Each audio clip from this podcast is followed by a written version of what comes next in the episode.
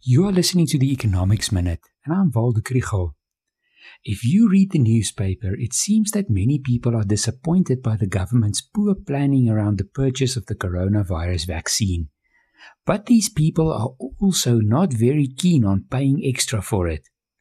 The Department of Health estimates it will cost about 20.6 billion rands to vaccinate two thirds of the population. The proposal that private medical funds use their members' reserves to pay for those members and just as many non members has upset people. Now there are new proposals on the table.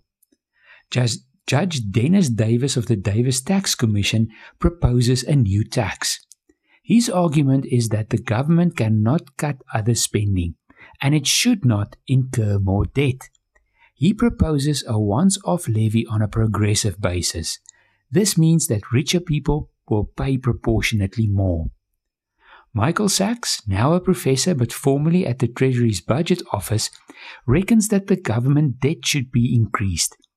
Government has borrowed 775 billion rand in the past year, so another 20 billion should not break the camel's back. Brian Kantor, formerly a professor and now head of Investec's Research Institute, suggests that the Reserve Bank should simply print the money. He argues that the money supply has grown by only 8% in 2020, while deposits with banks have increased and lending to the private sector increased by only 3%. Printing the extra 20 billion is not going to lead to inflation. Each of these options has issues. Can rich taxpayers be milked even more?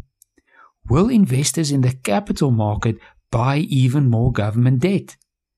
Can we trust the Reserve Bank to print money only once for a good cause? One thing is for sure the pandemic is exacerbating South Africa's economic problems, and we simply cannot afford to wait to get a vaccine and implement a vaccination program. If you want to learn more about the economy, follow the Econ 101 page on Facebook.